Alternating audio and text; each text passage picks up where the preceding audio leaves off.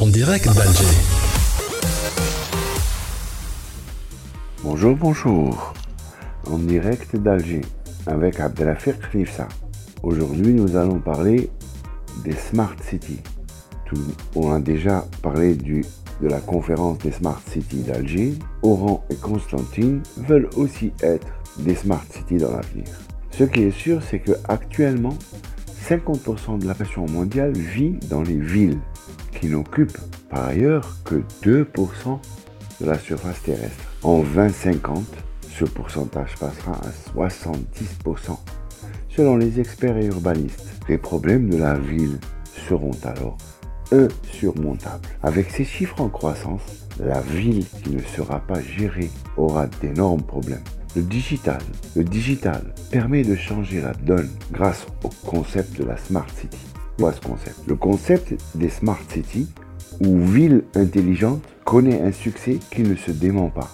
Mais qu'entendent exactement ces promoteurs par ce terme En théorie, la Smart City, c'est une gestion plus efficiente et démocratique au bénéfice des usagers et de la collectivité.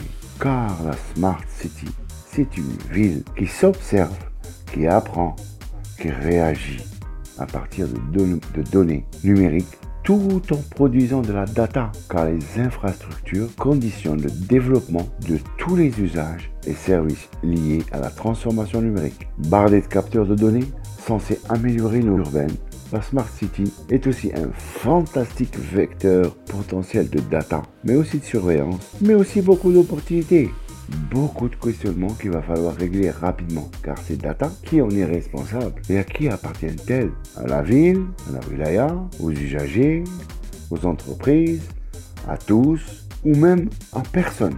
Sans compter que faire dialoguer les données publiques et privées n'est pas chose facile.